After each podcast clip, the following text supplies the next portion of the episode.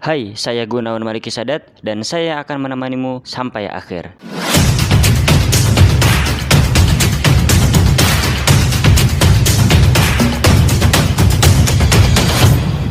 Balik lagi di GMS Podcast episode ke-39 Kali ini aku mau membahas tiga semboyan Indonesia yang ada di dunia pendidikan. Tapi aku nggak akan bahas terlalu dalam di dunia pendidikan tapi akan aku implementasikan ke dalam dunia kepemimpinan.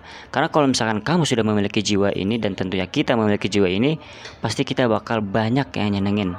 Banyak bahkan orang yang segan sama kita. Dan tentunya banyak juga orang yang akan menghormati kita. Maka dari itu aku mau sharing ke kamu agar kamu bisa belajar dari tiga semboyan Indonesia ini yang pastinya kamu sebelumnya udah dengar di dunia pendidikan tapi belum tahu aja cara nerapinya kayak gimana. Oke. Okay? Nah, tiga semboyan itu apa aja? Yang pertama, ing ngarso sung tulodo. Yang kedua, ing madiaman ngarso.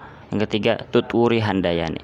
Tiga semboyan ini memiliki arti yang berbeda dan tentunya dalam konteks yang sama yaitu penempatan sebuah seorang guru atau seorang pemimpin di berbagai macam posisi. Oke, yang pertama paling depan, yang kedua tengah, yang ketiga yang di belakang. Oke, langsung aja kita bahas. Ingar sosung tolode itu ketika seorang guru atau seorang pendidik atau seorang pemimpin berada di depan rakyat-rakyatnya atau di depan kepemimpinannya maka ia harus bisa memberikan sebuah jalan agar yang di belakang itu ikut dia. Dan tentunya dia akan memberikan contoh yang baik untuk bawahannya dan tentunya juga bisa memberikan suatu masukan agar mereka atau pengikutnya bisa mengikuti pemimpinnya yang ada di depan. Itu Ingar Sosong Tulodo.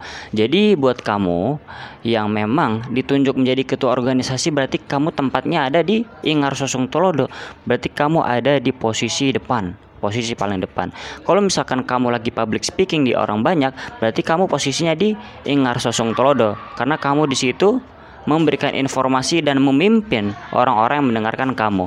Kalau misalkan kamu menjadi guru yang sedang mengajar di kelas, berarti kamu adalah Ingar Sosong Tolodo karena kamu ada di depan banyak orang yang sedang mengajarkan suatu pelajaran.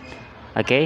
Nah, jadi ada posisi kepemimpinan yaitu yang ada di depan ini juga udah jelas karena biasanya yang Sosong Tolodo ini ditempatkan orang-orang yang memang memiliki jabatan di atas mungkin ditunjuk sebagai ketua atau menjadi orang-orang yang memang memiliki jabatan lainnya yang pastinya sudah memimpin dan menaungi bawahan-bawahannya. Oke langsung aja untuk semboyan yang kedua adalah Ing Madio Mangunkarso. Jika seorang guru ada di tengah, maka dia harus memberikan motivasi atau inspirasi kepada anak-anaknya Maksudnya bagaimana? Jadi sebenarnya ini bukan sekedar guru, tapi ini juga berlaku buat kamu yang kalau misalnya kamu tidak ditunjuk menjadi ketua bukan berarti kamu tidak bisa menjadi pemimpin.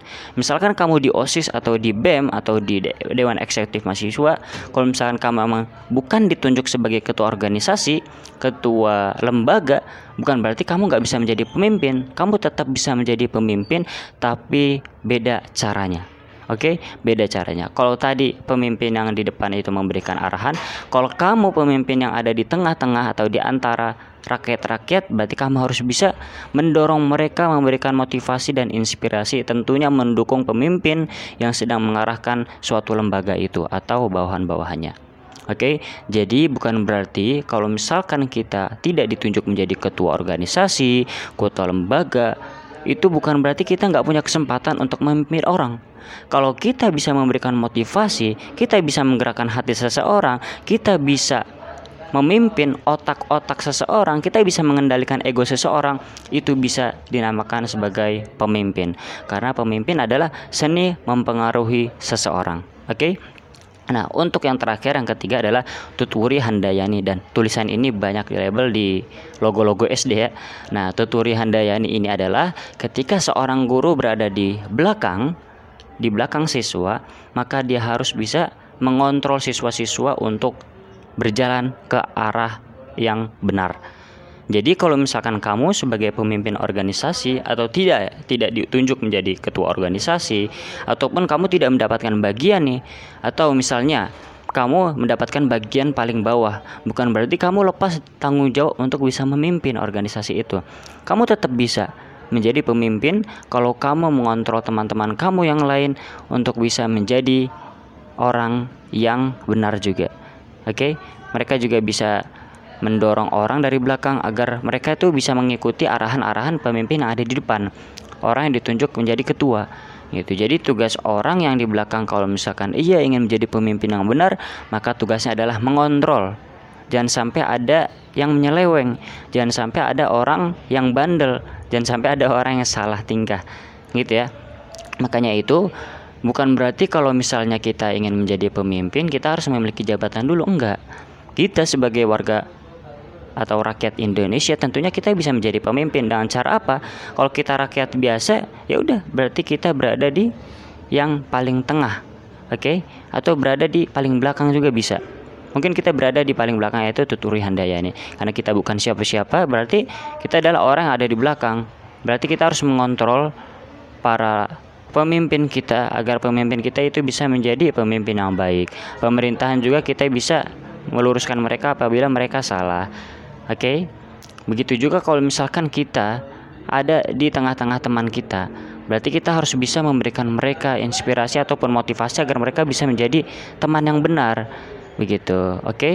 Mungkin cukup sampai sini aja. Oh iya, buat kamu kalau misalkan ingin memberikan topik yang menarik yang akan dibahas di podcast ini atau ingin memberikan saran, boleh kamu kirim voice note ke link yang ada di deskripsi. Terima kasih, semoga bermanfaat. Salam semangat.